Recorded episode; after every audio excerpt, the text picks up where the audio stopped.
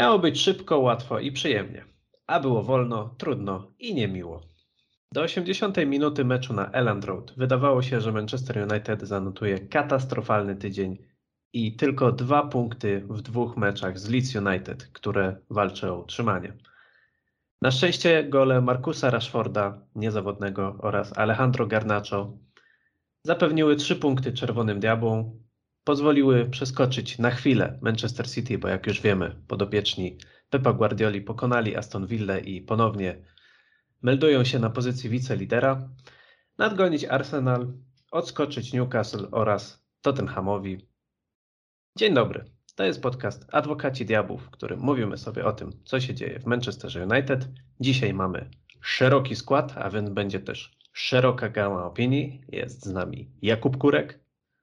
Siemanko. Jest z nami Sebastian Słabosz. Cześć wszystkim. Znany także jako Sławek. Oraz Daniel Adamecki. Dzień dobry. A ja jestem Paweł Waluś i dzisiaj porozmawiamy sobie o tym, co było, co będzie i tak dalej. Ale zanim to zrobimy, to mamy ogłoszenia duszpasterskie, ponieważ musicie wiedzieć, że ten tydzień to będzie prawdziwa petarda w naszym wykonaniu, bo będzie oczywiście ten odcinek, ale będzie też odcinek specjalny, który pojawi się już w środę. Zebraliśmy dla Was pigułę wiedzy na temat meczu Manchester United z Barceloną. Mamy gościa specjalnego, jest to Michał Gajdek z fcbarca.com, a także podcastu No Camp No, który ma bardzo szeroką wiedzę na temat tego, jak wyglądają sprawy w Barcelonie i podzielił się z nami, abyście wiedzieli, czego się spodziewać po podopiecznych Szewiego. A poza tym, jakby tego było jeszcze mało, to w czwartek specjalnie dla Was będzie live po meczu w którym dwaj e, uczestniczy, uczestnicy dzisiejszego podcastu e, opowiedzą na świeżo, na gorąco po meczu swoje przemyślenia. Także słuchajcie, jeżeli chcecie być ze wszystkim na bieżąco, to wiecie, co musicie robić. Klikajcie suby, dawajcie łapy w górę, komentarze, a my jedziemy sobie z tym odcinkiem. No i tak jak już tutaj zarysowałem, było różnie, nie najlepiej, Chociaż, jak powiedział Kuba przed nagraniem programu, Czerwone Diabły zremisowały mecz, w którym były lepsze i wygrały mecz, w którym były słabsze. I jestem ciekawy, czy reszta się z tym zgadza. Może zaczniemy od Sebastiana, bo dawno go z nami nie było. Jak, jakie są Twoje przemyślenia po tych dwóch meczach z odwiecznym rywalem? No, no myślę, że podobne ogólnie.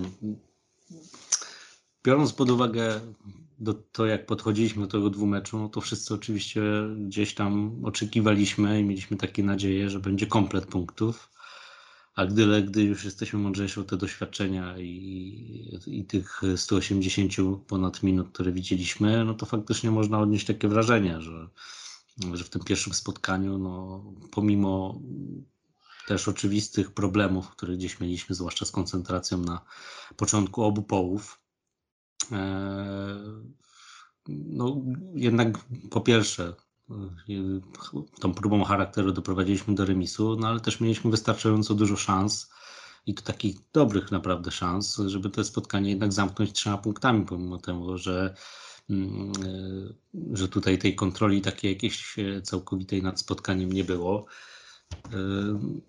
No ale skończyło się 2-2 tutaj w tym meczu. Mm, z kolei y, mam wrażenie, że nie odrobiliśmy błędów, bo znowuż, y, co prawda, był troszeczkę inny skład, pewnie zaskakujący dla wielu, gdy przeczytaliśmy wyjściowe jedenastki, zwłaszcza jeżeli chodzi o mm, układ linii defensywy. Ale zagraliśmy o dziwo na zero. No ale tutaj też znowuż i, i, początek pierwszej połowy i początek drugiej połowy troszeczkę kalka jednak meczu z Old Trafford y, i, i coś znowu tutaj nie zadziałało, e, bo Pawie przycisnęły tym swoim pressingiem i, i, się gubiliśmy, tylko tym razem po prostu ani nie były tak skuteczne, ani my nie popełniliśmy na tyle katastrofalnych błędów, że jednak te, te piłki wpadały do bramki. No ale mogło skończyć się różnie. No, na szczęście w końcóweczce mm, gdzieś i, i zmiany, e, które dały te powiew gdzieś tam świeżości e, i No i też gdzieś błyski geniuszu, no bo i świetny przerzut Zabicera i w ogóle genialna wrzutka Lukaszoła i to jest to, o, o czym gdzieś mówiliśmy w kilku podcastach wcześniej, że dlaczego Anglik no, chyba w większości z nas tak gdzieś potwierdzaliśmy to przekonanie, jednak większe walory daje na tej lewej stronie, bo potrafi dać taką piłkę, tylko nie zawsze koledzy to, to wykorzystują, no ale Rashford jest w genialnej formie i, i znów, znów trafia do siatki. No a później Mokos, który tym razem mm, wykorzystał szansę e, poniekąd, którą też gdzieś zaprzepaścił, e, a w zasadzie dwie w tym pierwszym meczu z Leeds. Także no, no, wiadomo, no podsumujemy sobie te dwa mecze naraz, bo nie ma sensu omawiać ich, ich osobno.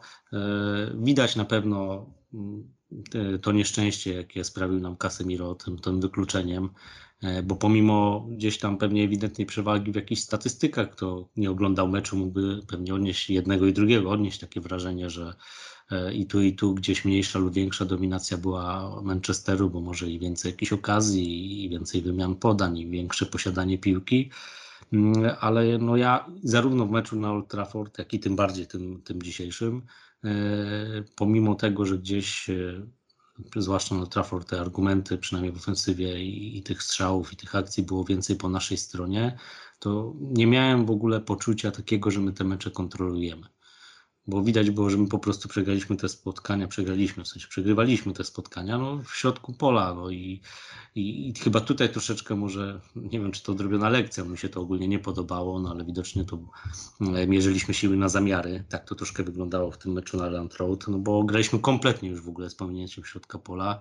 E, w zasadzie tam do tej 70 minuty to pomysły były tylko takie, żeby grać gdzieś tą lagę albo na skrzydło do Rashforda, albo gdzieś tam troszkę do Sancho, chociaż tam rzadziej, albo na Horsta, który miał wygrywać te główkowe pojedynki, może coś przebije, zbije i tak dalej.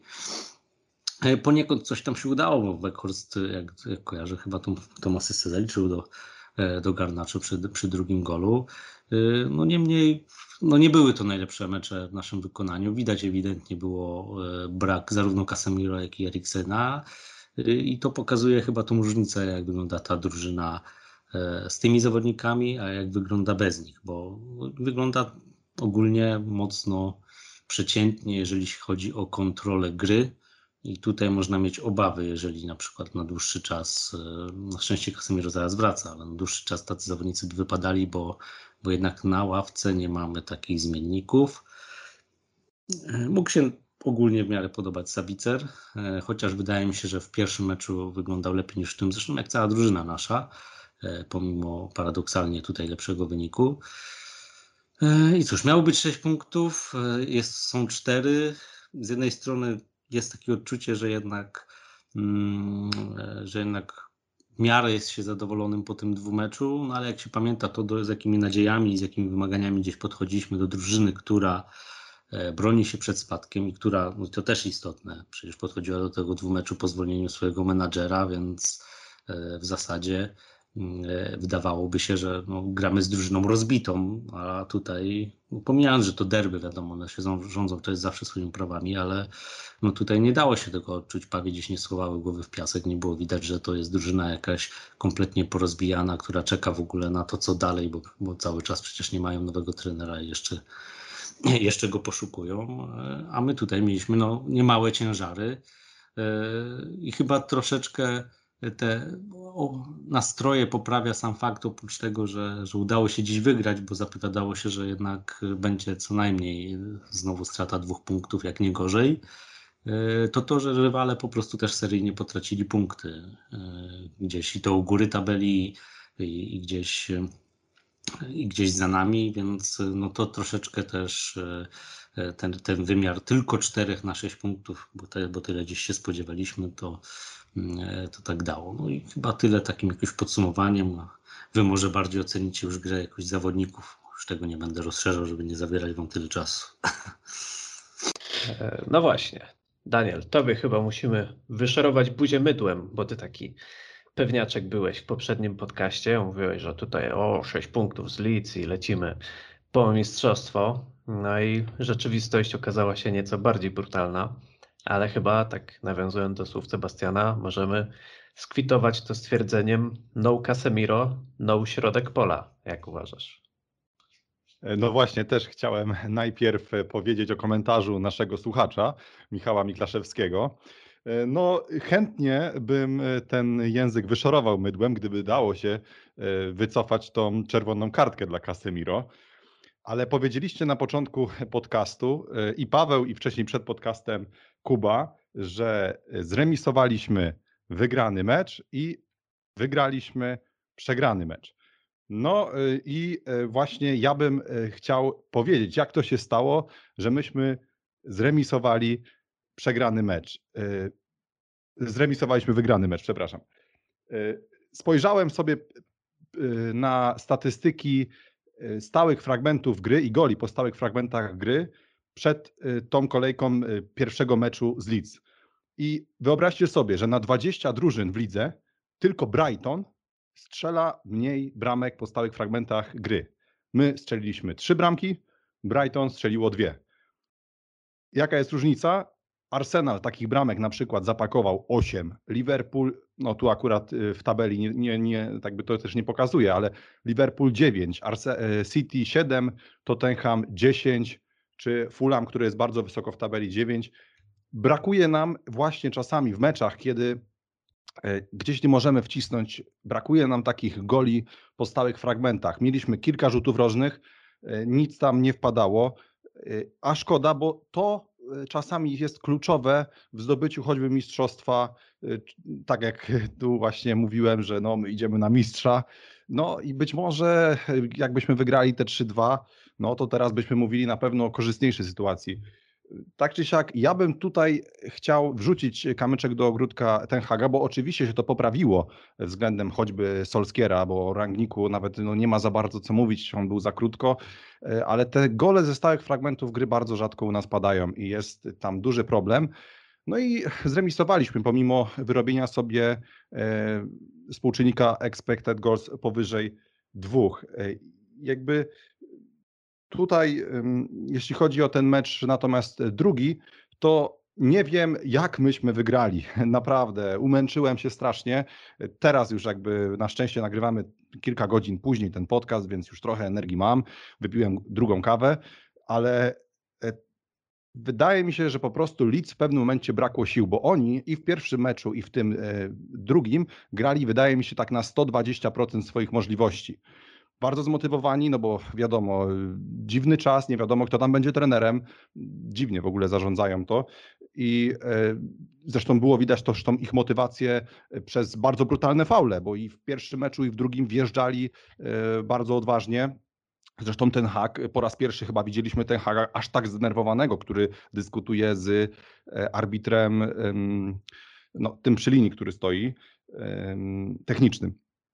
Więc fajnie, że wygraliśmy ten drugi mecz, ale e, kilka rzeczy sobie zanotowałem, o których trzeba powiedzieć. Po pierwsze, e, Maguire, e, te jego wprowadzenia, bo rozumiem, że taka była też taktyka, bo w pierwszym meczu mieliśmy problem. Często Waran kopał do Lindelof, do Martineza, Martinez do Warana i tak w kółko i nie mogliśmy się gdzieś wydostać z tej linii obrony.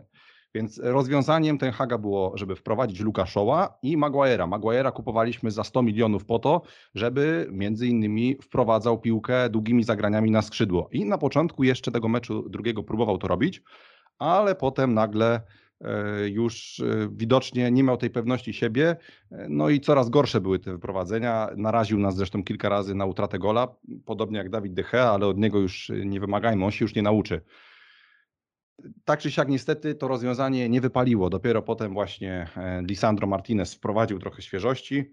E, no, myślę, że to takie pobieżne. Jestem ciekaw, jakby też jak patrzy na to wszystko Kuba, bo ja, no mi się nie podoba Zabicer. Ja, on jest taki, przypomina mi trochę McTominaya jak na razie, bo mm, nie, nie, jest piłkarzem, który boi się cofnąć, wziąć piłkę, obrócić się. Ja rozumiem, że on też jest bez formy, bo nie grał w Monachium, ale no jednak no, wymagamy, no widzieliście zresztą, no, i w pierwszym meczu i w drugim po prostu były głównie podania. Maguire w tym meczu miał chyba najwięcej kontaktów z piłką, co też właśnie pokazuje.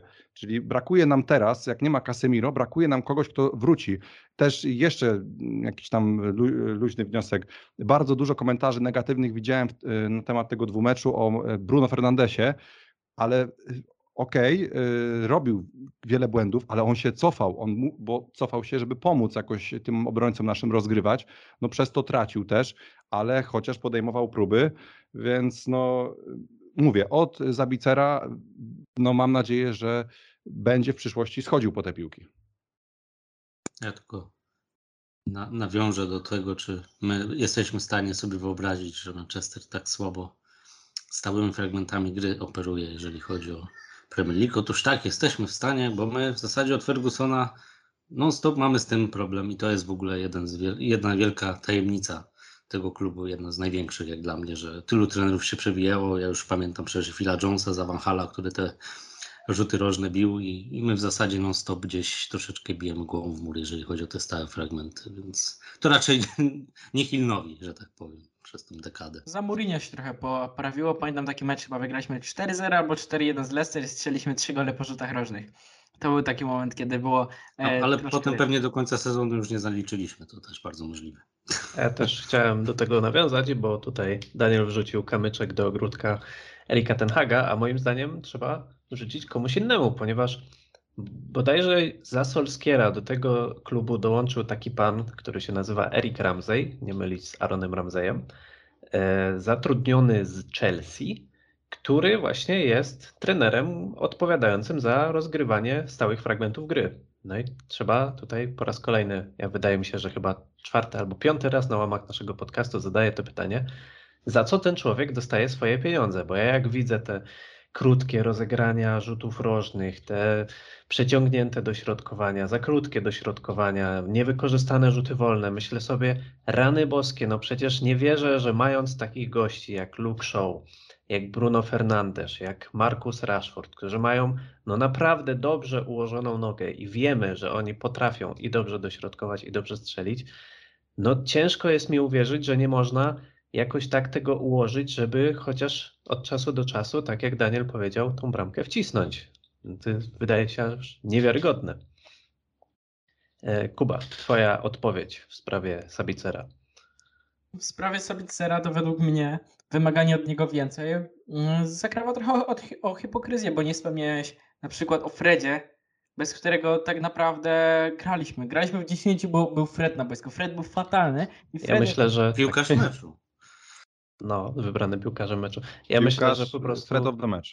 Daniel y, nie ma żadnych wymagań wobec Freda i nie, dla mnie, dla mnie Fred to jest katastrofalny piłkarz, naprawdę. Szczególnie w tym pierwszym meczu. No w tym drugim meczu już trochę lepiej wyglądało oczywiście, e, ale dla mnie no ten piłkarz nie istnieje, a jak się wraca do rozegrania, to traci te piłki. W tym pierwszym meczu było to e, bardzo mocno widać, a jeśli chodzi o Sabicera, to według mnie ta asysta drugiego stopnia przy tym golu Markusa Rashforda była kapitalna. On przyjął piłkę i dokładnie wiedział, co chce z tą piłką zrobić.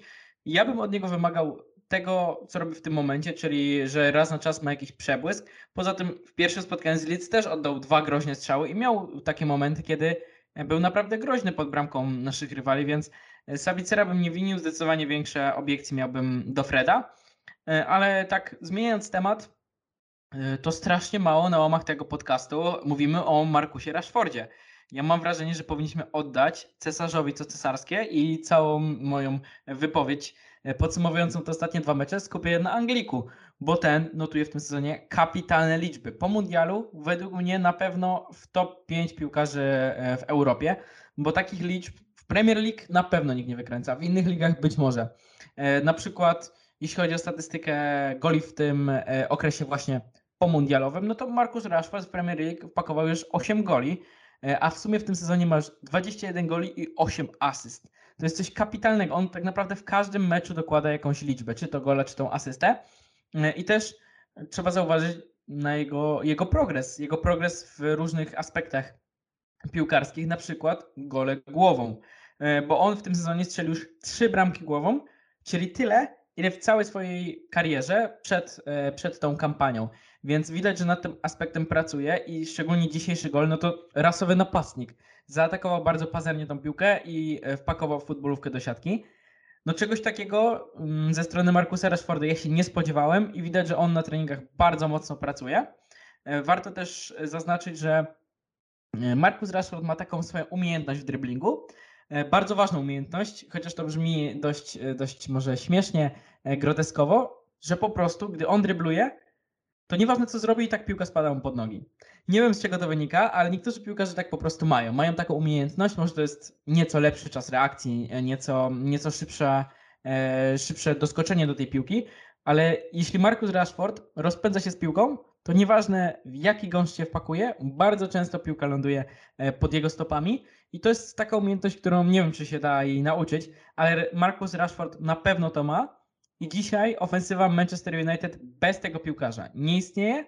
No i warto też wspomnieć o Alejandro Garnacho, który już ma udział przy czterech bramkach po wejściu z ławki, dwie, dwa gole, dwie asysty, co jest najlepszym wynikiem w tym sezonie Premier League, więc to też e, rodzi się nam taka młoda gwiazda. Ktoś, kto będzie pełnił rolę takiego jokera, a wiadomo, że taki joker jest potrzebny. E, Ktoś, kto wejdzie z ławki i, e, i da ten impuls.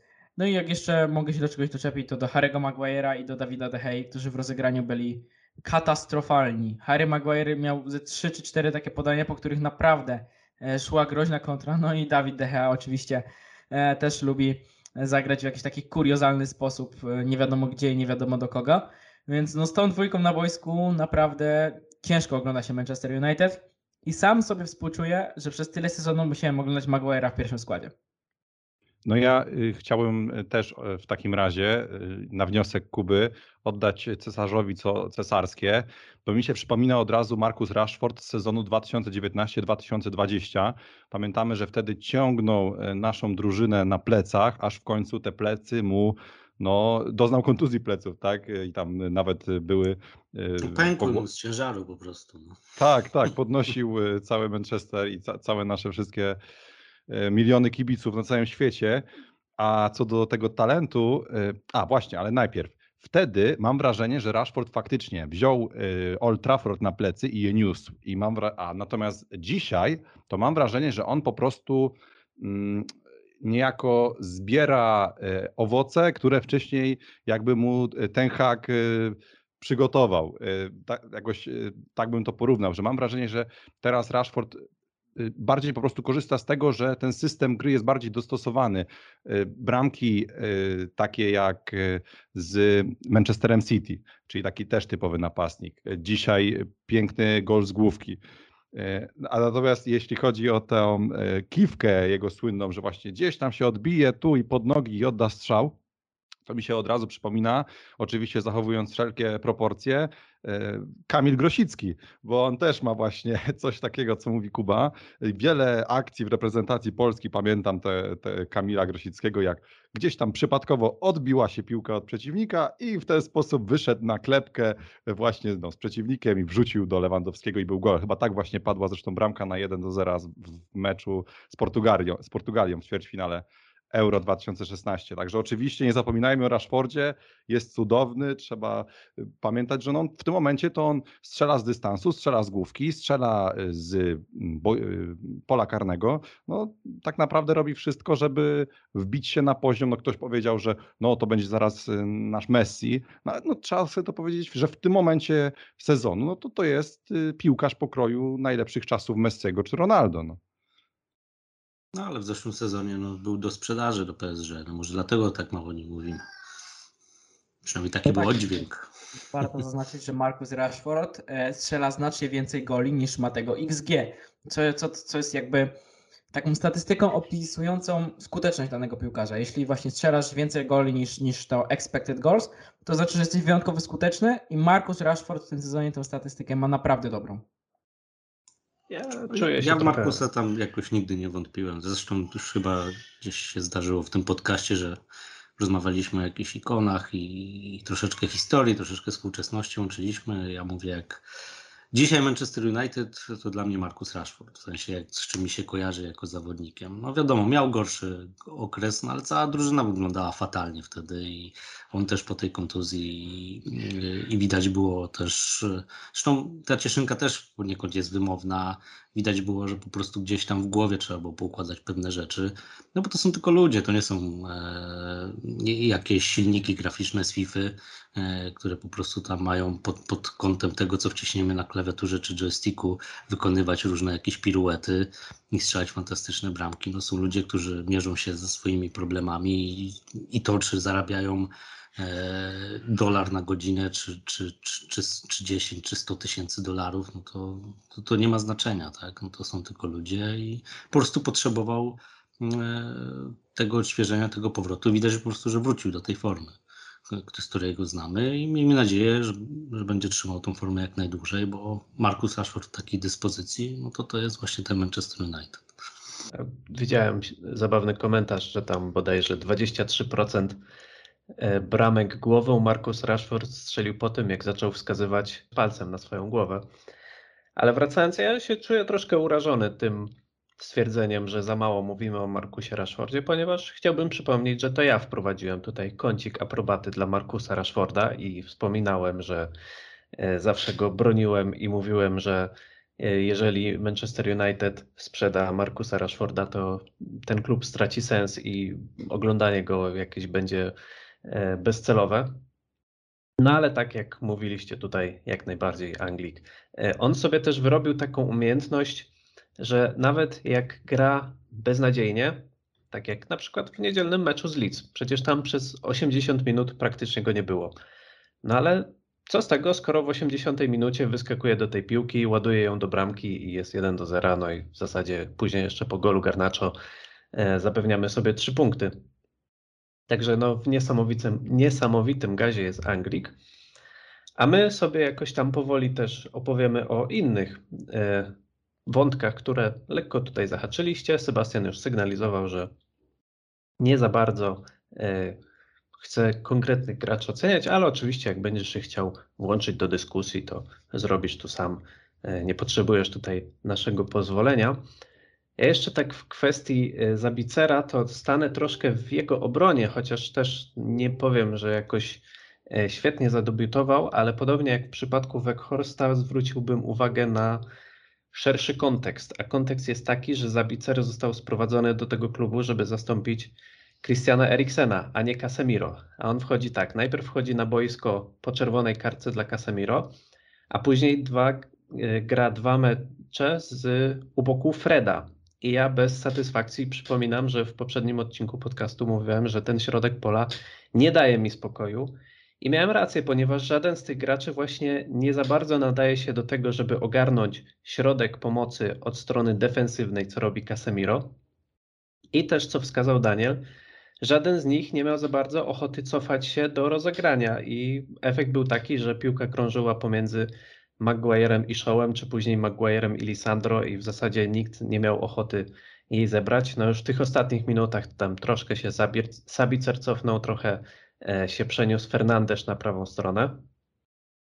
Także e, no, ciężko jest mi winić Austriaka, że po przejściu do nowej ligi, po gorszym okresie w Bayernie, nie wskoczył w buty Casemiro, no bo to jest trochę jakby no, przesadzone wymagania, co tu nie mówić, więc dałbym jeszcze czas. To były dopiero dwa spotkania w takim pełnym wymiarze i to w takich, powiedziałbym, eksperymentalnych okolicznościach. Chciałbym zobaczyć, jak będzie wyglądał w optymalnym zestawieniu linii pomocnych, w optymalnym zestawieniu w ogóle całego składu. Być może w meczu z Barceloną już to zobaczymy, albo z Leicester. No z Leicester nie będzie też Casemiro. No to może z tą Barceloną, jak właśnie będzie miał Brazylijczyka za sobą, będzie miał spokój i pewność tego, że ktoś tam z tyłu ogarnie i będzie mógł bardziej e, więcej dawać siebie w ofensywie, no bo to pokazał, że umie robić, oddawał groźne strzały w tym pierwszym meczu. No i też pokazał się, jak tam walczył i próbował jakoś e, przejąć piłkę, nie zawsze z sukcesem, no ale jakiegoś zaangażowania odmówić mu nie można. Inny gracz został też e, tutaj już wywołany, ponieważ dwa różne spotkania rozegrał Alejandro Garnacho. W pierwszym wyszedł e, w podstawowym składzie i w zasadzie zebrał chyba obok Freda największą krytykę, no bo trzeba powiedzieć, że Argentyńczyk irytował swoimi nieudanymi driblingami, notował absolutnie obrzydliwe padolino, na które źle się patrzyło. No i przede wszystkim zmarnował dwie dogodne akcje, które gdyby wykorzystał, no to kto wie, jakby się ostatecznie to spotkanie skończyło. E, zwłaszcza myślę, że ta akcja, kiedy już minął Ilana Meliera i tam to nie była pusta bramka, bo było tam dwóch obrońców, no ale umówmy się, że powinien zrobić coś więcej, na przykład podać do Weghorsta, który miałby wspaniałą sytuację i strzeliłby gola. E, no i troszkę media poruszały ten temat e, Argentyńczyka, że jak schodził, to był niezadowolony. Ten hak ładnie z tego wybrnął, mówiąc, że no oczywiście, że jest niezadowolony, no bo ma ambicje, no ale musi strzelać bramki, ponieważ ostatecznie to powinni robić ofensywni gracze Manchester United. A Garnacho odpowiedział na to wchodząc z ławki w drugim meczu i właśnie strzelając bramkę po, dodajmy, pięknej asyście Wołta Weghorsta. E, Kuba, jak oceniasz te dwa występy młodego Alejandro? Ja bym tak nie przesadzał z tą piękną asystą do Wołta Weghorsta, bo on tam w okolicy połowy mu zagrał tą piłkę, więc jakaś to kapitalna nie, no, nie była. Kurde, Kuba, ty mi tu mówisz, przez dwa odcinki bronisz y, Antonego, bo potrafi właściwie nie wiem co. A ty mówisz, że on dobrze gra, a jak Weghorst zagrywa super piłkę prostopadłą do Garnacza, tak że ten sobie biegnie robić akcję, to mówisz, nie, no nie, no nie przesadzałbym. I ja nie chcę nic mówić, ale nasi e, widzowie też pisali pod poprzednim filmikiem, że za bardzo krytykujecie go Antonego, ale nie o Antonym, tylko o Garnaczo. E, Garnaczo to według mnie może trzeba sprawić, żeby on był cały czas tym jokerem. Są tacy piłkarze, którzy lepiej się czują e, po wejściu z ławki rezerwowych. Może należy go na tej ławce rezerwowej sadzać i wpuszczać na podmęczonego rywala, szczególnie z jego gazem, bo mm, trzeba przyznać, że no według mnie nawet momentami, e, nie wiem jakie są ich wyniki szybkościowe, ale wydaje się, że na tych, szczególnie na tych pierwszych metrach, nawet od Markusa Rashforda może być szybszy Alejandro Garnacho. Na pewno ten krótki dribbling ma też bardzo dobry, e, taki właśnie start, balans ciałem. E, trzeba przyznać, że, że jak on wchodzi z ławki, to naprawdę coś się dzieje. Tylko z drugiej strony, kto powinien grać w pierwszym składzie, bo zbyt dużo kandydatów e, do gry na tym prawym skrzydle w pierwszym składzie nie ma. No szczególnie, że Garnacz jest lewoskrzydłowym mm, i lepiej się czuje po tej lewej stronie boiska. No ja na pewno będę go chwalił, bo to jest cały czas młody chłopak, on ma 19 lat więc e, to naprawdę mm, rocznik o 18 chyba, rocznik 2004, no to w tym roku 19, e, więc, więc to jest zawodnik, o którym możemy myśleć w kontekście przyszłości. Mam nadzieję, że, że nie wypije wody sodowej, tylko będzie cały czas trzymał głowę nisko, bo ma takie chyba zapędy w tą stronę takiego gwiazdorzenia, ale no z pewnością jeśli mamy kogoś puszczać z ławki rezerwowych i ktoś ma robić jakiś szum w ofensywie, no to to jest Alejandro Garnacho, bo tak naprawdę nikt inny tam nie siedzi. No jest taki no. jeden kandydat, przerwę Ci Daniel, e, a jest to mianowicie Jadon Sancho, który też w zasadzie zaliczył takie, oni się trochę wymienili, bo w pierwszym meczu Sancho wszedł z ławki i strzelił gola i ja nie wiem, czy on nie zagrał najlepszego spotkania w barwach United, a przynajmniej ja sobie nie przypominam, żeby on miał taki luz w rozegraniu, w driblingu. No naprawdę bardzo dobrze wyglądał Anglik. A później w drugim meczu wyszedł od pierwszych minut. No i troszkę nie było widać już tego jego polotu. Właściwie bardziej przypominał tego e, Sancho z początku sezonu, trochę zagubionego, trochę nie wiedzącego, co ma zrobić. No ale na pewno stał się jakąś dodatkową opcją dla Erika Tenhaga. No właśnie tak zasugerowałem, że on powinien grać w pierwszym składzie, a z ławki powinien wchodzić Garnacz. O to mi chodziło. Daniel?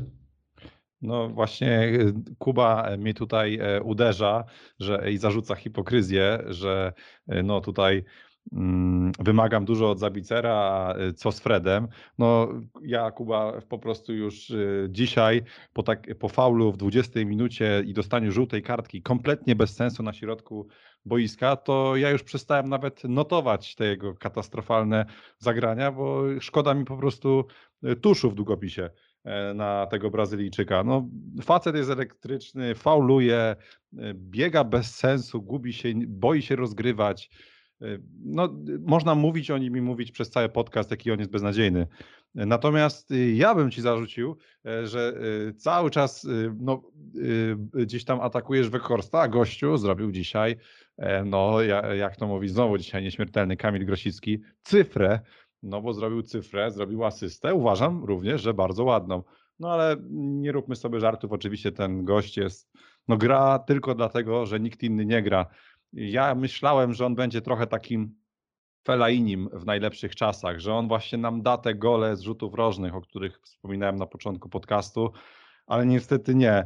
Natomiast Garnacho, Fred i Sancho e, to e, mam, e, bo Fred, wy pamiętaj, pamiętacie na pewno, że on w tym sezonie, jak wchodził tak w około 70 minucie, to grał naprawdę całkiem nieźle.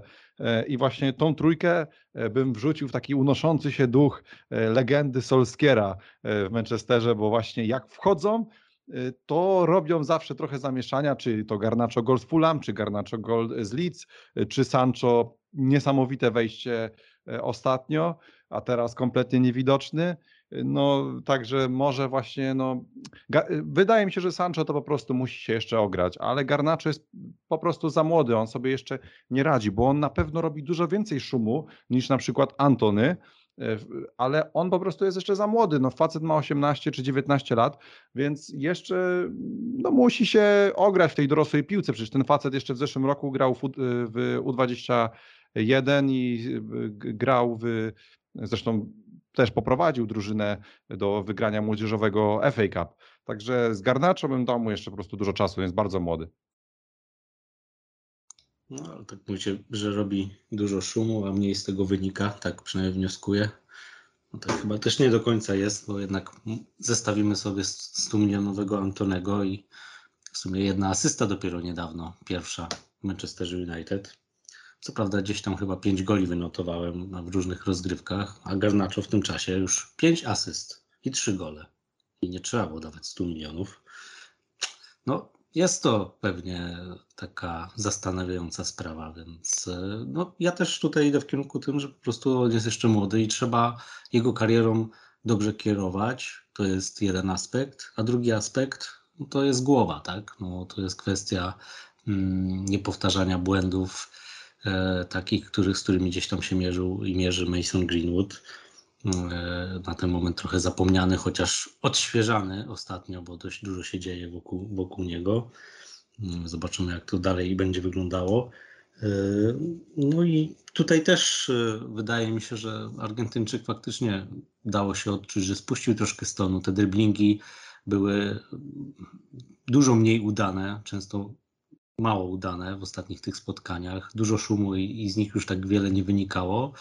No ale znów dało się sobie przypomnieć teraz. e, Może, może to, to już jest kwestia też sztabu szkoleniowego. Oni, oni znają dobrze tych zawodników, znają ich charakter. E, My tylko wnioskujemy po tym, co albo usłyszymy gdzieś po wywiadach, e, albo co wywnioskujemy z jakiejś mowy ciała na boisku, ale to też potrafi być mylące. No, nie, nie przebywamy z tymi ludźmi na co dzień, nie, nie, po prostu zwyczajnie nie znamy. Więc to sztab tutaj powinien wiedzieć, w jaki sposób najlepiej dotrzeć do takich piłkarzy. No może właśnie tutaj to robi Erik Ten Hag, no zdejmując go po niewykorzystanych setkach w pierwszym meczu dość szybko i może powodując frustrację, ale u jednych jest to demotywujące i, i obniżają loty, a u innych właśnie wręcz, przeci- wręcz przeciwnie, może to jeszcze bardziej zmotywowało Argentyńczyka, żeby wejść teraz e, w meczu i się pokazać z lepszej strony. No, no jestem ciekaw tego rozwoju tego piłkarza. No jeszcze cały czas czekamy w sumie co z jego przyszłością, bo, bo z tego co kojarzę, tam chyba nic jeszcze się nie wyjaśniło, jeżeli chodzi o jego kontrakt. Yy, A każda kolejna bramka i każda kolejna asysta yy, no na pewno tutaj yy, budzi coraz większe zainteresowanie, jakąś konkurencję. No ciekaw jestem, jak to się potoczy. No, na razie jedynym zawodnikiem, który przedłużył kontrakt był Kobe Mainu. Swoją drogą być może przyszły następca Casemiro. Mamy na to nadzieję. A tak wracając jeszcze do Freda, no to odpowiedź jest prosta. Ja ją mówię chyba od roku i kłóciłem się o nią niemal przez cały mecz pierwszego e, starcia z Leeds z Kubą. Fred nie może grać na szóstce, po prostu. I jestem zaskoczony tym, że Erik Ten Hag po raz kolejny musiał się o tym przekonać sam na swojej skórze. Brazylijczyk jest beznadziejny, kiedy ma rozgrywać od tyłu, od obrońców, kiedy znajduje się pod presją, kiedy musi pod presją rozegrać, traci wtedy mnóstwo piłek. Widzieliśmy to już nie raz, nie dwa, nie trzy. Za każdym razem, kiedy słynny duet Mac-Fred pojawiał się na boisku, to doświadczaliśmy tego boleśnie. On może grać na ósemce, może grać na dziesiątce, może sam presować, bo jest w tym bardzo dobry, może wchodzić jako dodatkowa opcja w pole karne i wtedy z zaskoczenia zdobywać e, gole. Naprawdę Brazylijczyk może być użytecznym piłkarzem w tym składzie, jako rezerwowy, ale też jako podstawowy gracz moim zdaniem. Tylko po prostu na litość boską nie róbmy z niego defensywnego pomocnika, bo to szkodzi nie tylko jemu, ale w ogóle całemu zespołowi. I rozumiem, że w tym momencie no, okoliczności były jakie były i większość e, defensywnych pomocników się wysypała, ale dlatego ja mówiłem, że na środku pola powinien zagrać albo Wiktor Lindelof, albo Lisandro Martinez. Być może kosztem jakiejś finezji w środku pola, jakiejś bardziej ofensywnej gry, no ale na pewno ta defensywa byłaby być może chociaż trochę bardziej ogarnięta i jestem troszkę zaskoczony, że nie zdecydował się na coś takiego Erik Ten Hag, być może kosztem dwóch punktów, no ale tego nie jesteśmy w stanie przewidzieć, to już mogę sobie tylko gdybać. Ale też chcę zaznaczyć, że ja nie kłóciłem się, że Fred jest kapitalnym e, defensywnym pomocnikiem czy kapitalną szóstką, tylko że lepszą niż Marcel Sabic. Nie jest lepszą niż Marcel Sabicer. Kogokolwiek tam ustawisz, to będzie lepszy niż Fred. I widzieliśmy to, przekonaliśmy się o tym. Po raz kolejny zresztą. Nie róbmy, więc, nie róbmy tego więcej, nie stawiajmy Freda na szóstce. To naprawdę wyjdzie wszystkim na dobre. To jest mój apel i będę o niego walczył do ostatniego tchu. Choćbym miał jechać i przywiązać się łańcuchem do murów Old Trafford tylko po to, żeby zasygnalizować Erikowi Tanhokowi nie wystawiaj Freda na szóstce i wszyscy będą szczęśliwsi. To był mój statement. Dobra. Co jeszcze z tych meczów? No, o Maguire'ze i De Gea w sumie już powiedzieliście. No, Anglik na pewno nie poprawił e, swoich notowań u Erika Tenhaga. Zastanawiam się, czy, czy znowu nie powróci do chętniejszego wystawiania Wiktora Lindelofa e, w zastępstwie Rafaela Varana. O, wiem co chciałem powiedzieć. Że jeżeli krytykujemy Garnacho za pierwszy mecz, no to na srogą burę zasłużył też Bruno Fernandes, bo w pierwszym meczu, to po jego stracie, w pierwszych minutach e, Nionto strzelił gola. No a w drugim meczu, no to przecież on miał takie sytuacje i fakt, że ich nie wykorzystał, no to u Garnacza jeszcze możemy to zrzucić na karp młodości, na tego, że brakuje mu takiego obycia, cierpliwości i tak dalej. No ale Fernandes nie może marnować takich sytuacji, no jak na przykład pier- w końcówce pierwszej połowy, kiedy przejął piłkę po złym rozegraniu Wobera i poszedł na sam na sam z Melierem i zmarnował po prostu tą sytuację. Albo wcześniej w tej samej połowie e, dostał piłkę od e, Jadona Sancho. W zasadzie był nieatakowany na skraju pola karnego, no i nie trafił nawet w bramkę. No, jeżeli mówimy o. Ale to, to jest firmowe zagranie niestety Bruno w ostatnich, no tym, tym gorszym okresie, gdzie ja do Portugalczyka aż tak wielu zarzutów nie mam, bo widzę, że dużo pracuje dla drużyny. Brakuje tylko tych liczb, których gdzieś, e, do, do których już przywykliśmy, jak przy- przyszedł do Manchester United, bo on po prostu wszedł do tego klubu ra, razem z Framugą, można powiedzieć, bo tam, tam wszystko grało. A teraz e, to nie jest tak, że on, on tych piłek nie dostarcza, bo dostarcza dalej kapitalne piłki, tylko po prostu częściej marnują te sytuacje mm, e, jego koledzy z drużyny ale też on sam no, pod bramką rywali. y, No to, co właśnie nawołałeś, to, te, tą sytuację Jadon Sancho, no, wystawienie mu piłki gdzieś w okolice 16 metra, gdzie on jest sam niepilnowany i posłanie przyłożenia, zamiast po prostu y, rozerwania siatki, czy, czy przymierzenia po prostu do siatki, no to to jest firmowe zagranie i to faktycznie u Bruno gdzieś się rozregulowało, czyli i z jednej strony wykończenie akcji, stąd mniej bramek, a z drugiej strony, no tutaj nieskuteczność też kolegów z drużyny, no bo to też nie jest tak, że on tych key pasów mniej zagrywa, czy, czy, czy w ogóle, bo, Nie, no e, bo to wciąż akcja- jest człowiek, człowiek, który potrafi z niczego, potrafi z niczego taką akcję bramkową skręcić, nie? Ta akcja, co miał Garnacho zmarnowaną, no to też było po zagraniu Bruno. Aczkolwiek od te liczby nawet ostatnio tak nieśmiało zaczął notować. Miał taką serię sześciu spotkań, y, trzy gole, trzy asysty.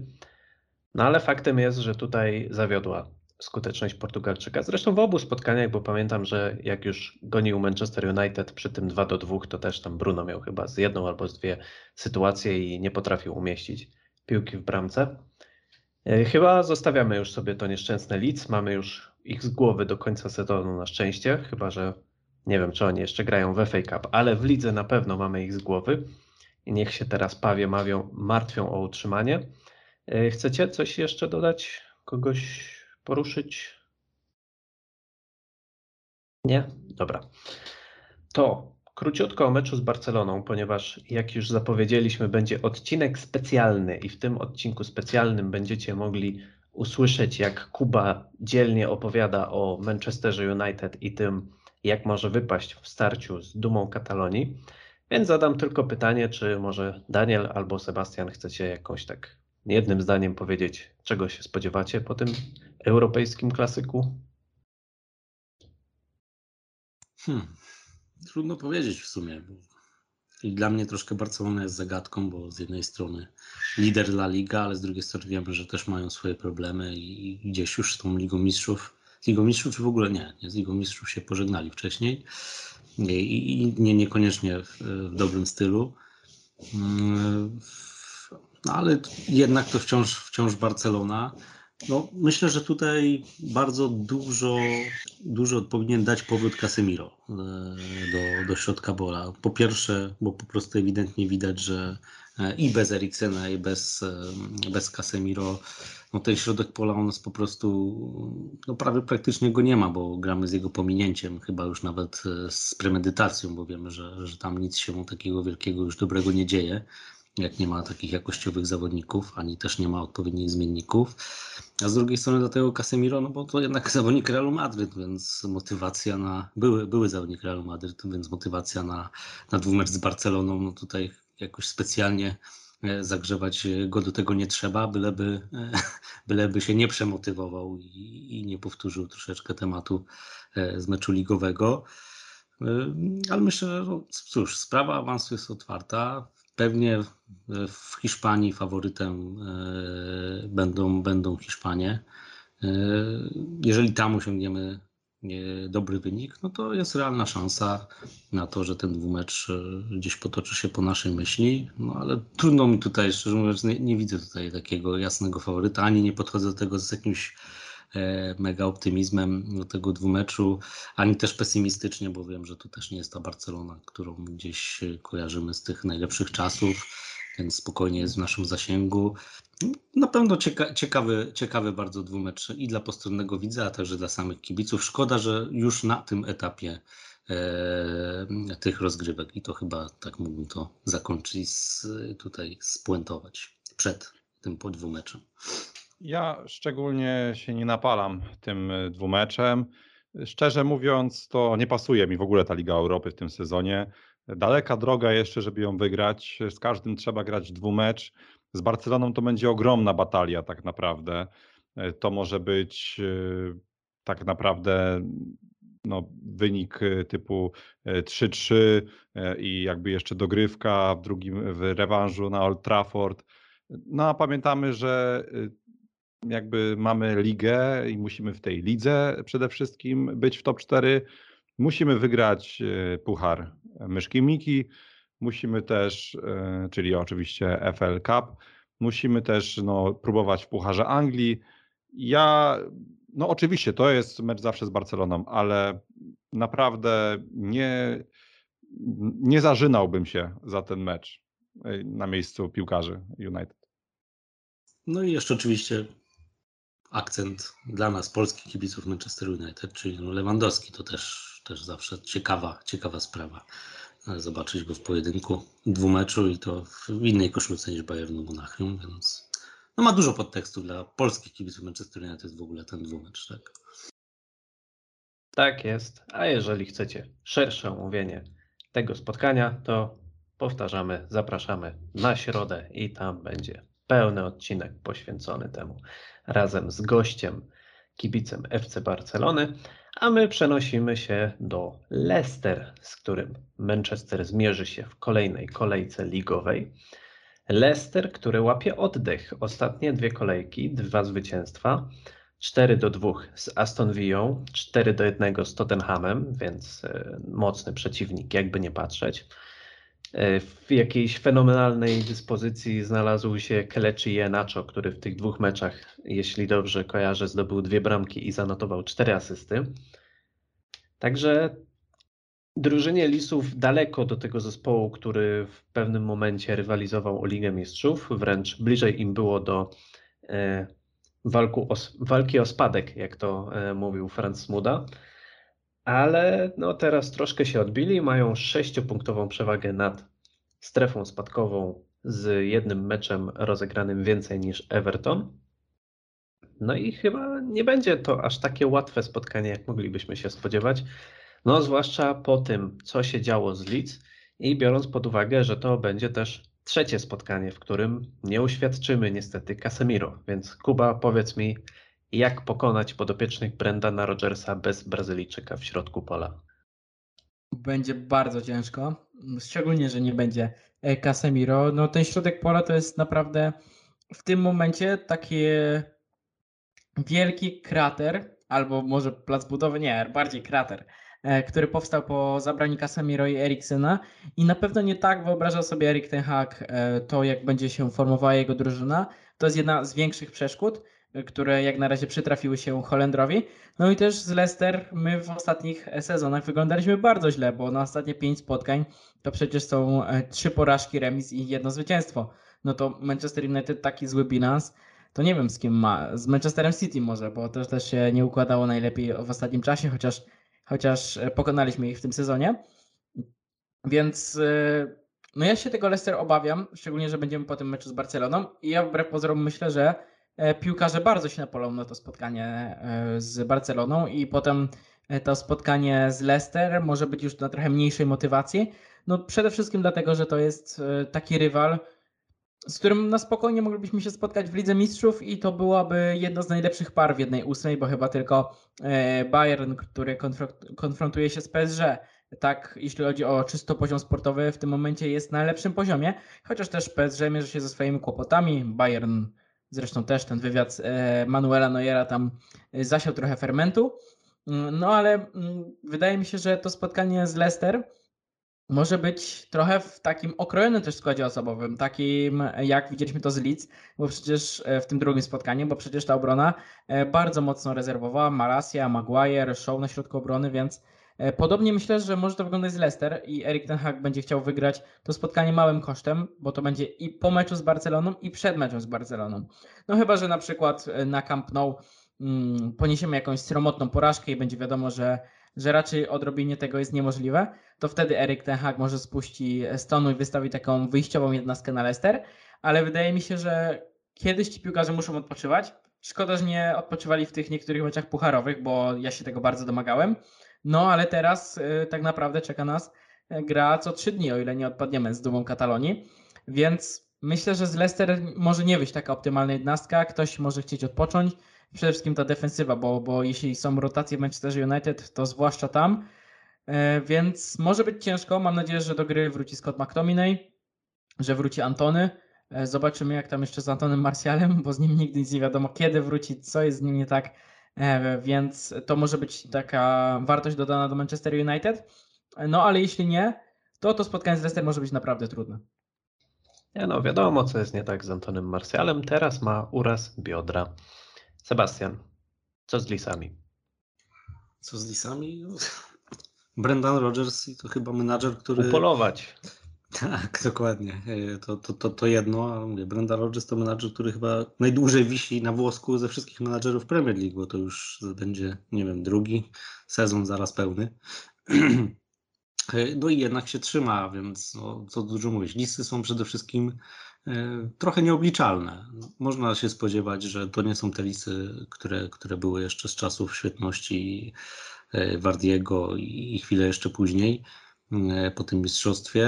E, Są to, jest to drużyna, która wciąż de facto walczy, walczy o pewne jakieś e, utrzymanie i zagwarantowanie sobie tego miejsca w Premier League w przyszłym sezonie. Gramy na Old Trafford. No ja nie widzę innej możliwości jak tylko i wyłącznie zwycięstwo w tym spotkaniu. Znaczy, no, oczywiście są dwie jeszcze inne możliwości, ale jeżeli chodzi, jeżeli chcemy walczyć tutaj o możliwie najwyższe cele i utrwalenie sobie tutaj tego miejsca w top 4, no to te, tego typu mecze, niezależnie od tego, czy akurat drużyna z dołu tabeli akurat pikuje z formą, czy, czy nie pikuje, no musimy wygrywać, więc no tak jak przed meczem z Leeds się spodziewałem, że, że i oczekiwałem, że, że go wygramy, tak, tak samo będzie tutaj, tylko żeby znowuż też się nie skończyło. E, jak, jak z Pawiami, no bo tutaj Kuba też faktycznie ma rację, bo e, mi też jakoś te lisy ciągle w pamięci nie leżą i kojarzę raczej ciężary z, tymi, z tym zespołem e, Brendana Rogersa, że jakoś nie szło to po drodze, no ale może tym razem będzie inaczej. No cóż, no ja, ja się nastawiam na to, że jednak wyjdziemy w pełni zmotywowani. Wątpię, żeby tutaj była jakaś mocna rotacja, e, bo jednak gram też u siebie i spodziewam się, że będzie dość mocny skład, żeby po prostu ten mecz wygrać, choć no tak jak mówicie, bez Casemiro dalej, więc w środku pola może być różnie. No ale spodziewam się, spodziewam się zwycięstwa, na pewno go oczekuję. Może w ten sposób, e, jeżeli myślimy o tym, o czym myślimy w tym sezonie na koniec w Premier League. No ja tydzień temu powiedziałem, że najbliższe trzy mecze ligowe to są trzy zwycięstwa i jedziemy po mistrza, więc nie będę się z tego wycofywał. Wydaje mi się, że Leicester, y, które będzie podejmowane... nie, nie musisz się wycofywać, bo już nie będzie trzech zwycięstw. No y, nie będzie, ale no może będzie 7 na 9 punktów, to jeszcze może mi to tam jakoś wybaczą. Wydaje mi się, że wygrywa, wygramy z tym Leicester raczej na spokojnie. E, czyli na spokojnie 1-0. E, no ale jakby e, ważnym jest też, jeśli chodzi o motywację, mecz w środku tygodnia gra Arsenal z Manchesterem City. Nareszcie Arsenal w ogóle gra z tym Manchesterem City.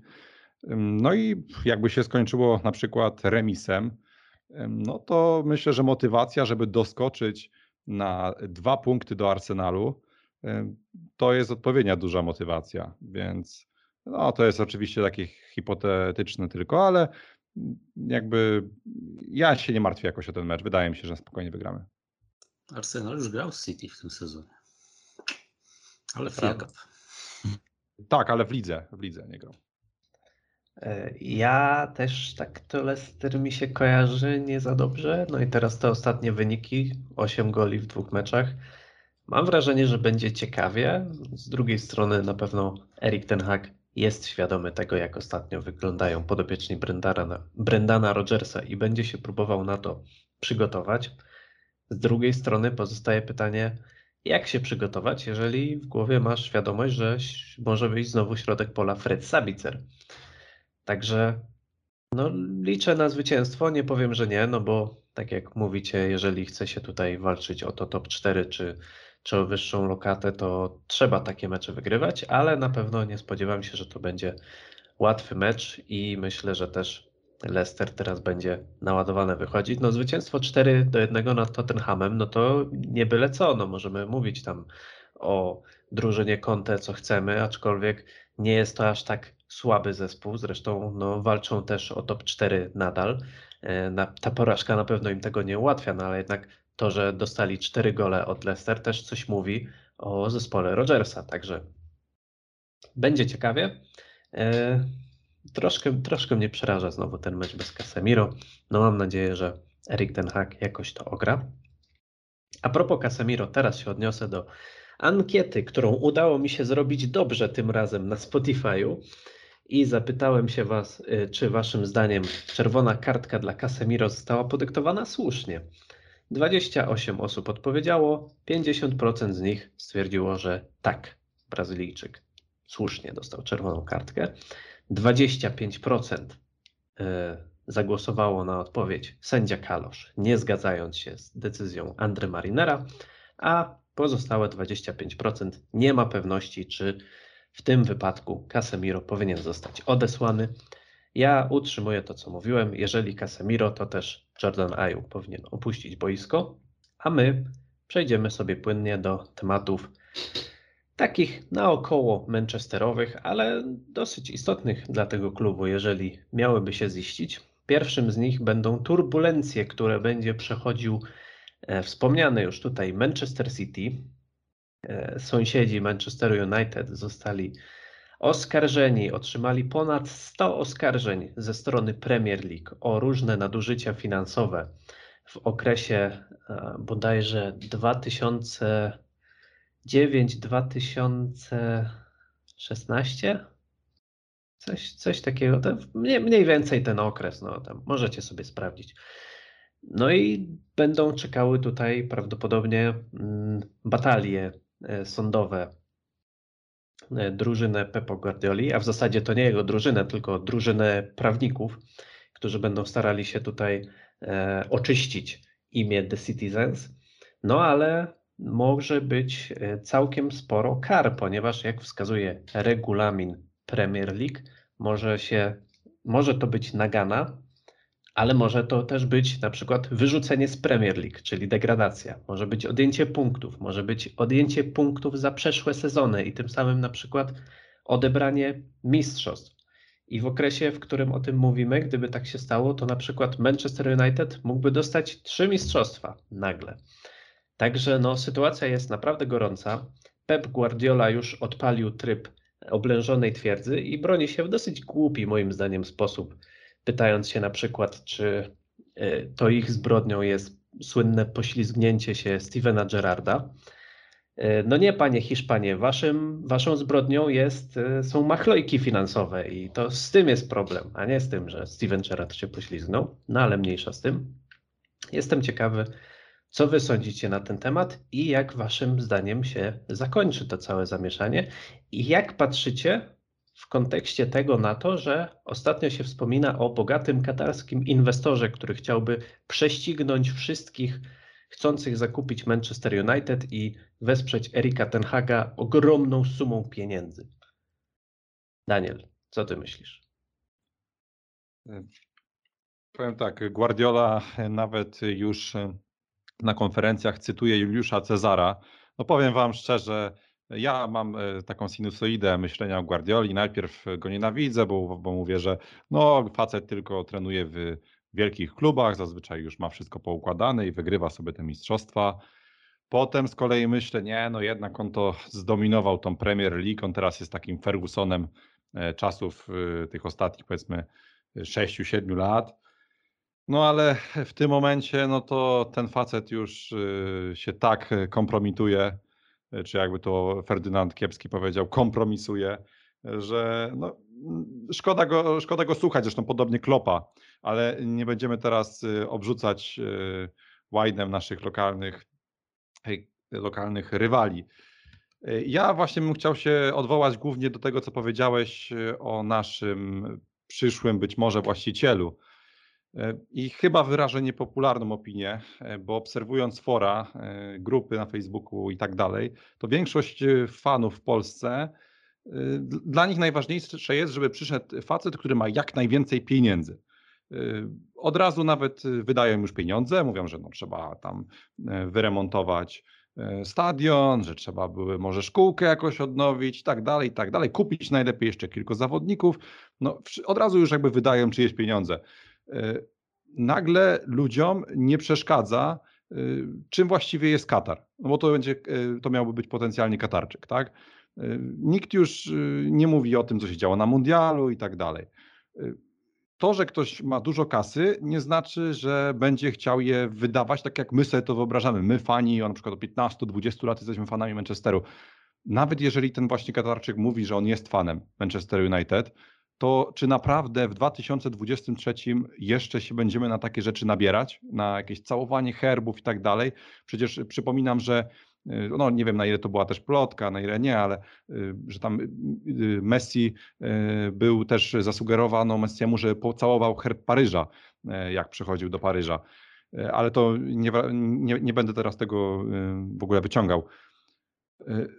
Tak czy siak, może ten właściciel będzie chciał, żebyśmy grali w e, katarskich barwach. E, tak jak to robi w tym momencie Newcastle na wyjazdach. Nie wiem, czy zauważyliście, że grają w biało-zielonych strojach.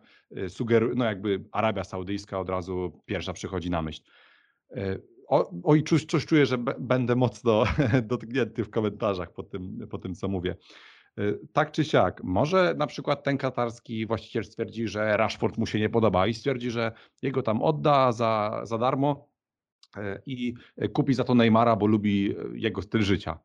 Y, Tak naprawdę to nic nie wiemy o tym właścicielu przyszłym i ja bardzo jestem niespokojny o przyszłość klubu, którego kocham od tylu lat i bardzo się boję. Mam nadzieję, że nie przyjdzie właśnie katarski właściciel, żebym po prostu cieszył się tymi zwycięstwami, bo jeszcze argumenty są takie, że o, nikt nie przyszedł do nas konkretny. Ludzie, przecież my wydajemy co letnie okienko po kilkaset milionów. To Liverpool b- musiałby, nie wiem, zastawić stadion, żeby robić takie transfery jak my.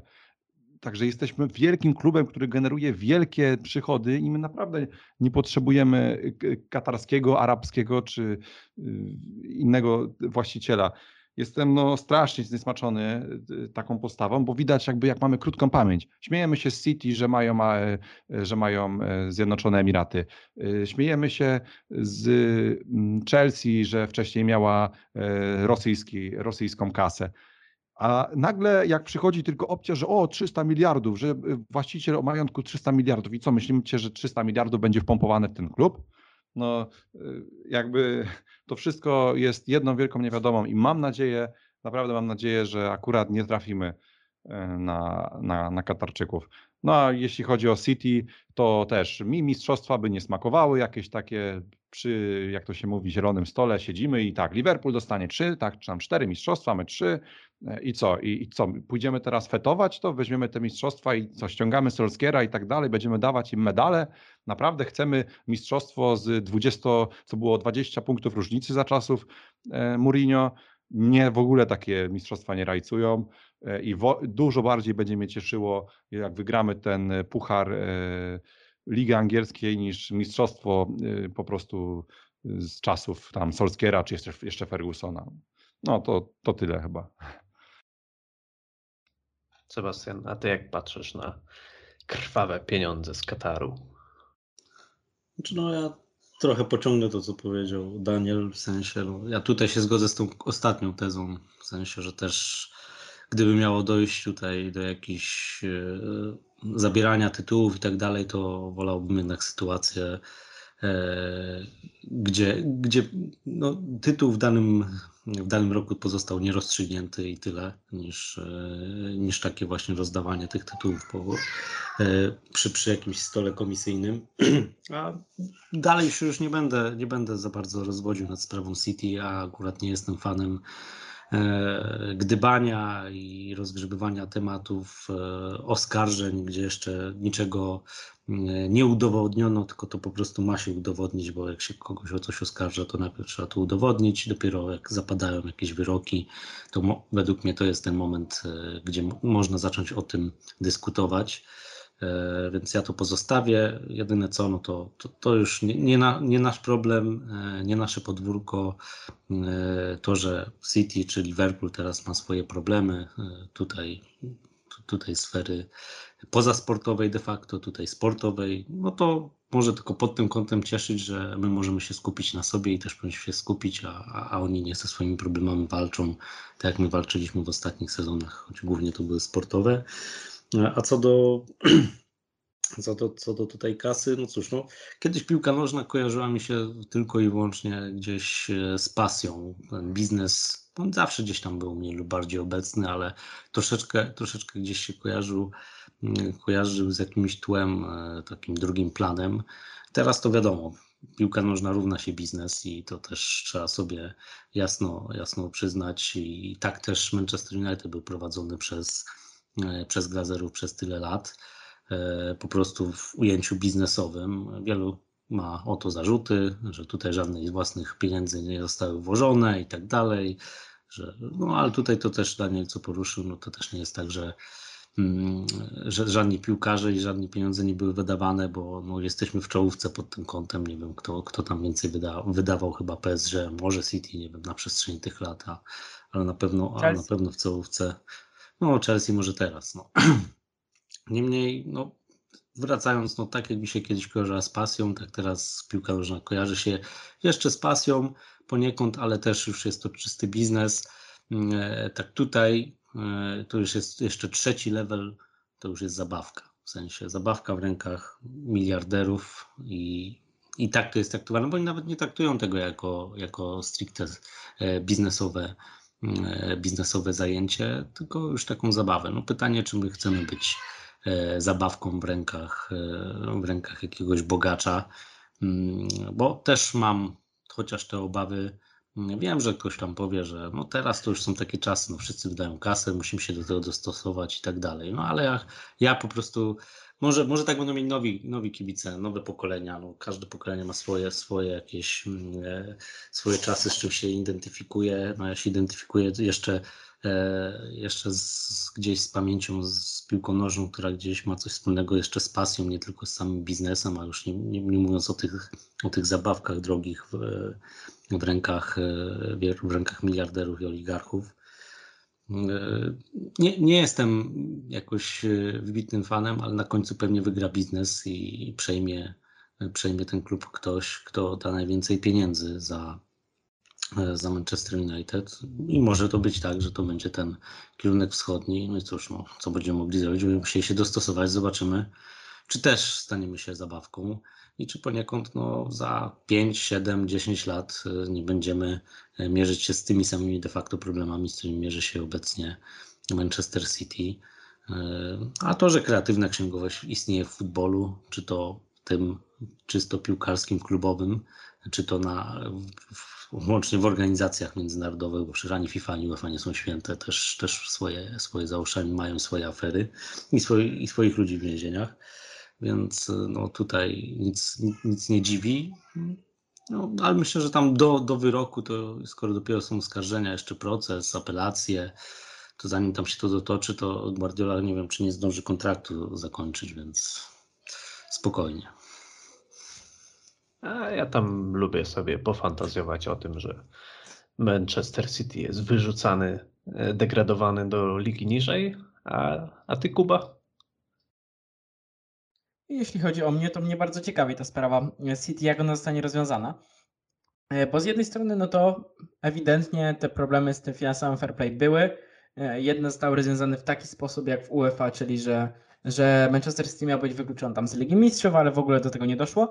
No i teraz mieliśmy to, to śledztwo Premier League nad Manchesterem City. No i też zabieranie tytułów, no to wydaje mi się, że, że to lekka przesada, ale jakieś ujemne punkty, tak jak dostał Juventus, to, e, to wydaje mi się dość sprawiedliwe. No i pewnie też jakieś mocniejsze regulacje e, finansowe, żeby zostały wprowadzone. Może nie takie jak są w La Liga, bo, bo to jest absurd, e, ale jakieś takie regulacje, że, że nie można wydawać więcej niż, e, niż ileś tam procent z tego, co się zarobi, oczywiście więcej niż 100, no bo w tych czasach no to ciężko, żeby tak nie było. No ale z drugiej strony Premier League nie może ukarać jakoś bardzo dotkliwie Manchesteru City, no ponieważ y, narazi się na to, że straci kapitał zewnętrzny, który do tej Premier League się garnie i sprawia, że ta Premier League w tym momencie odjechała wszystkim innym ligom, bo dzisiaj Liga Angielska to jest wier, wielka przepaść nad pozostałymi ligami. Jest, ona jest pierwsza i potem długo, długo, długo, długo, długo, długo nic.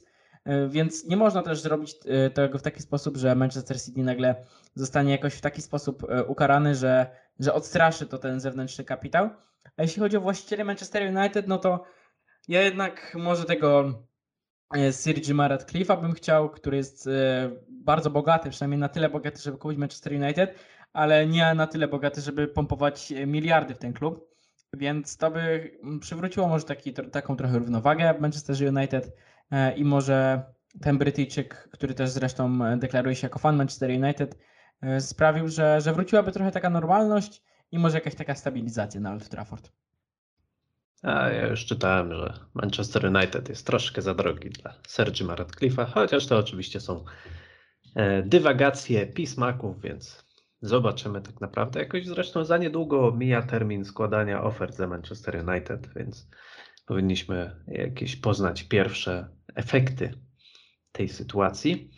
A skoro mowa o wielkich pieniądzach, powraca nasz ulubiony temat, który swego czasu wybuchnął w świecie piłki nożnej z zaskoczenia. Oczywiście mówię tutaj o Superlidze. Temat Superligi powraca.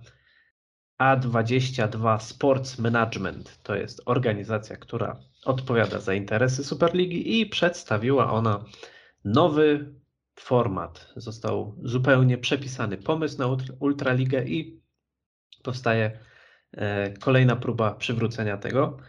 Odpowiedzialne są za to trzy kluby, które pozostały w tym projekcie po pierwotnym fiasku, czyli Barcelona, Real Madryt oraz Juventus. Wszystkie te trzy kluby łączy dosyć y, frywolne wydawanie swoich pieniędzy i później narzekanie, że kurczę, nie mamy pieniędzy. No i odpowiedzią ma być Superliga. Nie podoba im się finansowanie w Lidze Mistrzów ze strony FIFA, czy to e, ze strony UEFA w innych rozgrywkach. E, Tak skrótowo, nowa propozycja mówi o tym, że ma być od 60 do 80 uczestników, nie będzie stałych członków, udział na podstawie kryteriów sportowych, minimum 14 meczów dla każdego klubu, podział na dywizję. Czyli nie będzie tego, jak było e, pierwotnie i co wzbudziło chyba największy e, sprzeciw kibiców, czyli e, część klubów, która za swoją historię otrzymywałaby miejsce i nie mogłaby spaść z tej Superligi i to było coś, co no jakby kłóciło się z samą ideą sportu i dlatego też zostało e, jawnie skrytykowane i doprowadziło de facto, tak mi się wydaje, do upadku Superligi.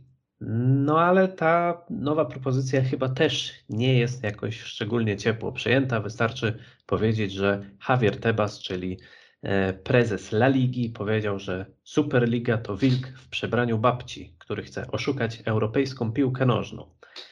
I projekt został też skrytykowany m.in. przez Angielskie Stowarzyszenie Kibiców czy Europejskie Stowarzyszenie Klubów. E, Został zapytany o to także Erik Ten Hag, który dał taką wyważoną odpowiedź, bo przyznał, że on raczej nie jest przeciwny zmianom, ale nie zajmuje się teraz, ponieważ e, cały swój czas poświęca na Manchester United, a żeby ocenić projekt Superligi, no to musiałby całą swoją energię na to wykorzystać, więc kiedy klub przyjdzie do niego i powie mu, że teraz nadszedł czas, żeby omówić kwestię Superligi, no to on się tym zajmie, a my teraz swoją energię poświęcimy, żeby powiedzieć, czy jesteśmy team tradycja, Liga Mistrzów jest super, czy jesteśmy team nowoczesność i chcemy Superligę z podziałem na dywizje, e, mecze co tydzień, koniec z Ligą Mistrzów, Kuba. Myślę, że głównym mm, teraz priorytetem Superligi powinno być to, żeby założyć ją zanim rozpocznie się ten nowy system, e, system szwajcarski wprowadzony do Ligi Mistrzów, bo on na pewno będzie znacznie bardziej atrakcyjny i urozmaici te, te mecze grupowe. Ja byłbym za taką Superligą, tylko gdyby po pierwsze nie miała formatu ligi, tylko były to jakieś może rozgrywki pucharowe. E, No i też e, gdyby to było zamiast europejskich pucharów, po prostu e, trochę obalić monopol UEFA i wprowadzić A to chyba coś. ma być zamiast Ligi Mistrzów, jak rozumiem. Tak, tak, no słyszałem o tym, ale z drugiej strony tam chyba ma być minimum 13 spotkań do rozegrania, chyba tak. Dla każdego 14. zespołu. 14 minimum, no właśnie. Chociaż w tym systemie szwajcarskim teraz też ma być mm, więcej tych spotkań, no to jednak to dla klubów e, może być dość niewygodne, jeśli chodzi o e, terminarz. No i też wydaje mi się, że kluby z Premier League nie za bardzo będą się do tego garnąć, no bo umówmy się, teraz Premier League to jest Superliga to, co my teraz oglądamy, to jest naprawdę, no tam są najlepsi piłkarze. Dzisiaj takie Nottingham Forest wykupuje najlepszych zawodników albo wyróżniających się chociaż zawodników z La Liga i nie ma kto z nimi konkurować e, w Hiszpanii. Więc jeśli byłbym klubem z Premier League, to nie za bardzo bym się chciał e, pchać do Superligi, no bo zobaczmy. Dzisiaj mamy przewagę, przewagę nad resztą stawki, bo jesteśmy w, e, w Premier League, zarabiamy świetne pieniądze. No a teraz no, z Barcelona i Real, który, no Real może nie, ale dajmy Barcelona i Juventus, którzy sobie trochę tam e, za dużo wydali i mają problemy finansowe, a chcą, chcą nas wciągnąć, żebyśmy my dla nich robili pieniądze, bo są w dołku. No według mnie to jest troszkę, mm, troszkę nieopłacalne dla angielskich klubów, bo dla nich ta Premier League jest, jest e, najważniejsza. No i też dla takiego kibica, który mm, pochodzi na przykład z Manchesteru o, i od e, pokoleń chodzi oglądać zespół z Old Trafford, no to dla niego są ważniejsze te rozgrywki krajowe. Dla niego jest ważniejsza rywalizacja z Chelsea, z Manchesterem City, z Liverpoolem. No bo ile jest dzisiaj klubów w Europie, które sobie stawia cel, że o, w tym roku europejskie puchary są dla nas, dla nas ważniejsze niż liga? No praktycznie nikt. Dziś te mm, rozgrywki krajowe, rozgrywki ligowe są solą futbolu. No i jeśli ma być jakaś Superliga, to ona zastępuje nam Ligę Mistrzów i w coś takiego e, mogę uwierzyć. No i też, żeby to nie był zwyczajny format ligowy. E, No i w takich rozgrywkach być może chciałbym oglądać Manchester United, no bo zawsze chcemy oglądać e, nasz zespół w, starciami, w starciach z najlepszymi. Sebastian, Team Liga Mistrzów czy Team Superliga? Team Premier League. Jest taka opcja? No jest, no. Nie, no trochę tak jest. Można i tak. I mi się od razu tak nasunął taki mem właśnie, który jest bardzo popularny i często wykorzystywany, tylko można go parafrazować na wiele milionów sposobów. W stylu chcę, chcę Superligę, mam- mamy Superligę w domu, no i trochę to trochę tak jest, e, to co mówił Kuba, E, no bo te pieniądze, które gdzieś przewijają się już w stosunku do Premier League, teraz się mówi przecież o wielkim kontrakcie z EA Sports, e, bo przecież jak dobrze wiemy, no FIFA jako gra e, swoją odsłonę już miała ostatnią, ta 23 i teraz będziemy widzieli ci, co grają. Oczywiście ja już też troszeczkę nie mam na to czasu, ale, ale gdzieś tam troszkę poczytałem ostatnio, ma być jakiś EA Sports FC, tak to się będzie nazywało, bo po prostu tutaj już z FIFA się EA e, nie dogaduje i w związku z tym skończyła się ich współpraca, no ale widzę, że idą w kierunku wykupywania pojedynczych praw e, do ligi i mówi się tu o jakimś też gigantycznym kontrakcie na kilka sezonów z samą Premier League, która miałaby jednak być oddana e, e, tak samo jak jest w rzeczywistości w tej, w tej grze. Więc trochę tak jest, że nie wiem, czy angielskie kluby tego potrzebują. Ja osobiście jako kibic, no ale to jest moje zdanie, no, ja ogólnie jestem bardziej zmęczony już tymi rozgrywkami takimi pozakrajowymi, tą Ligą Mistrzów.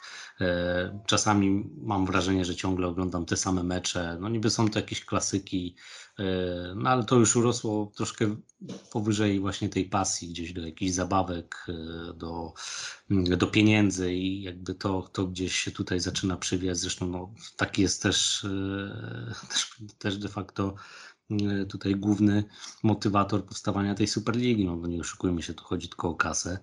E, A przy okazji oczywiście spotkania wielkich marek ze sobą, które, które i tak się już spotykają gdzieś w tej Lidze Mistrzów powtarzalnie, e, gdzieś w fazie pucharowej zazwyczaj, ale też i w grupowej.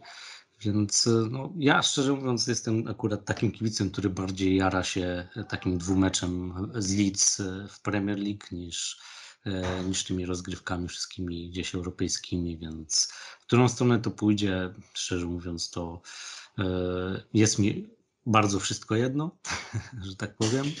E, Byleby nie ucierpiała na tym liga, według mnie no tutaj tak team tradycja na zasadzie takiej, żeby, e, żeby to nie zastępowało w żaden sposób ligi i, i, i, i dla mnie jakby te rozgrywki krajowe są tutaj, tutaj najbardziej atrakcyjne i te, które mnie najbardziej przyciągają. A Liga Mistrzów zawsze oczywiście prestiż, no, historia wielka i tak dalej.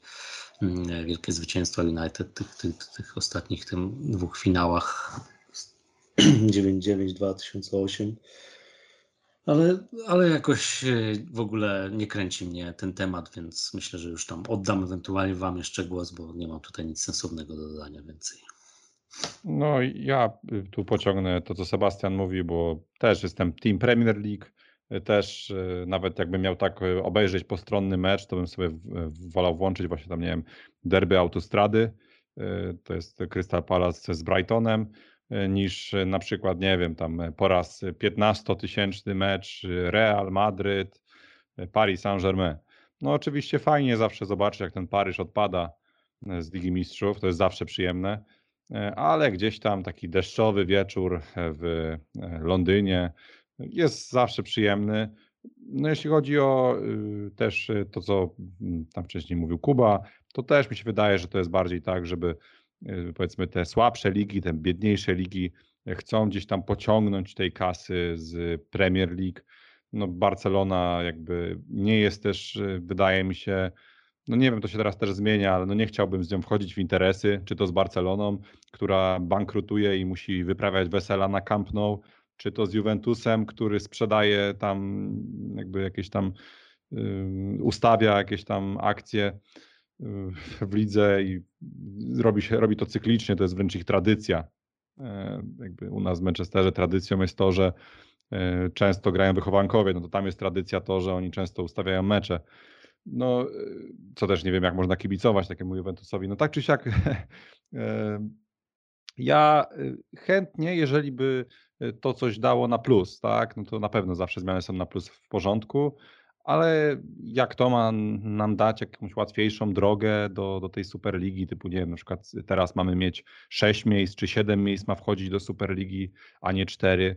No mówię, no ja podobnie jak Sebastian, wolę oglądać y, Premier League, a Ligę Mistrzów, no to mówię, może też przez to, że ten Manchester United już od lat w tej, Manchester, w tej Lidze Mistrzów, no to odgrywa raczej takie no, role bardzo chwilowe, mm, no ale może się to zmienić za ten Haga i znowu jakby ta Liga Mistrzów mnie zacznie jarać, no bo w tym momencie no to jakby ta Liga Mistrzów, no to gdzieś tam jest, ale bardziej czekam na, na te mecze ligowe i teraz mecz z Leicester mnie też bardziej jakoś tam ciśnie niż ten mecz z Barceloną, chociaż no nie ukrywam, że będzie przyjemnie jak y, Robert y, nie dojdzie do sytuacji y, z nami. To jeszcze wtrącę, że ja za to będę w totalnej opozycji, bo dla mnie Liga Mistrzów to są najlepsze rozgrywki, lepsze od ym, Mundialu, lepsze od Euro, lepsze od jakichkolwiek rozgrywek ligowych, y, bo on powyżej tam 1-8 od ćwierćfinału. Najlepsze mecze, jakie oglądałem, to były mecze w Lidze Mistrzów.